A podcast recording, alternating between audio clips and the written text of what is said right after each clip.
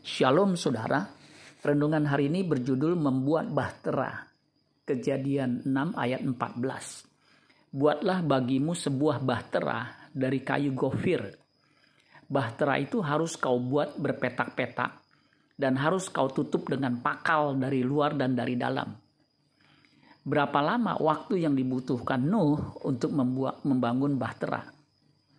Tidak ada jawaban yang pasti untuk dapat menjawab berapa lama Nuh membangun bahtera. Tetapi memang ada penafsiran tentang masa 120 tahun itu.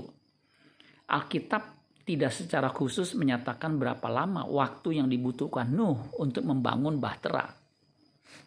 Ketika nama Nuh muncul pertama kali disebutkan di Alkitab, di kitab Kejadian 6 ayat 29 sampai 32, dia berusia 500 tahun. Ketika Nuh masuk Bahtera, dia berusia 600 tahun. Waktu yang dibutuhkan untuk membangun Bahtera akan tergantung pada jedah antara peristiwa di kitab Kejadian 5 ayat 32 dan Kejadian 6 ayat 14 sampai 21. Ketika Allah memerintahkan Nuh untuk membangun Bahtera, secara tersirat kita memahami kalau pembangunan Bahtera memakan waktu 100 tahun. Targum Yonatan memberikan tafsir penafsiran bahwa 120 tahun dalam kejadian 6 ayat 3 adalah tenggang waktu yang disediakan oleh Allah. Sejak Bahtera dibangun hingga banjir besar melanda bumi. Bandingkan kejadian 5 ayat 32 usia Nuh 500 tahun dan kejadian 7 ayat 11 usia Nuh 600 tahun saat air bah melanda bumi. Perbedaan 20 tahun itu dapat dipahami karena menjelang usia 500 tahun Nuh memperoleh tiga anak. Dan ketiga anak itu bukan anak kembar.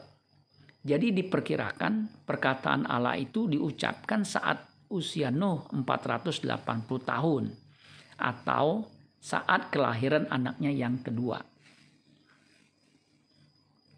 Bukanlah suatu kebetulan Nuh membuat bahtera yang menyelamatkan keluarganya selama 120 tahun.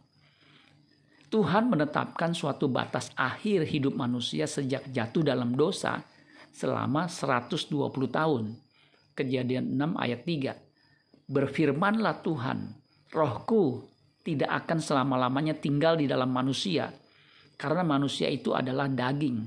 Tetapi umurnya akan 120 tahun saja.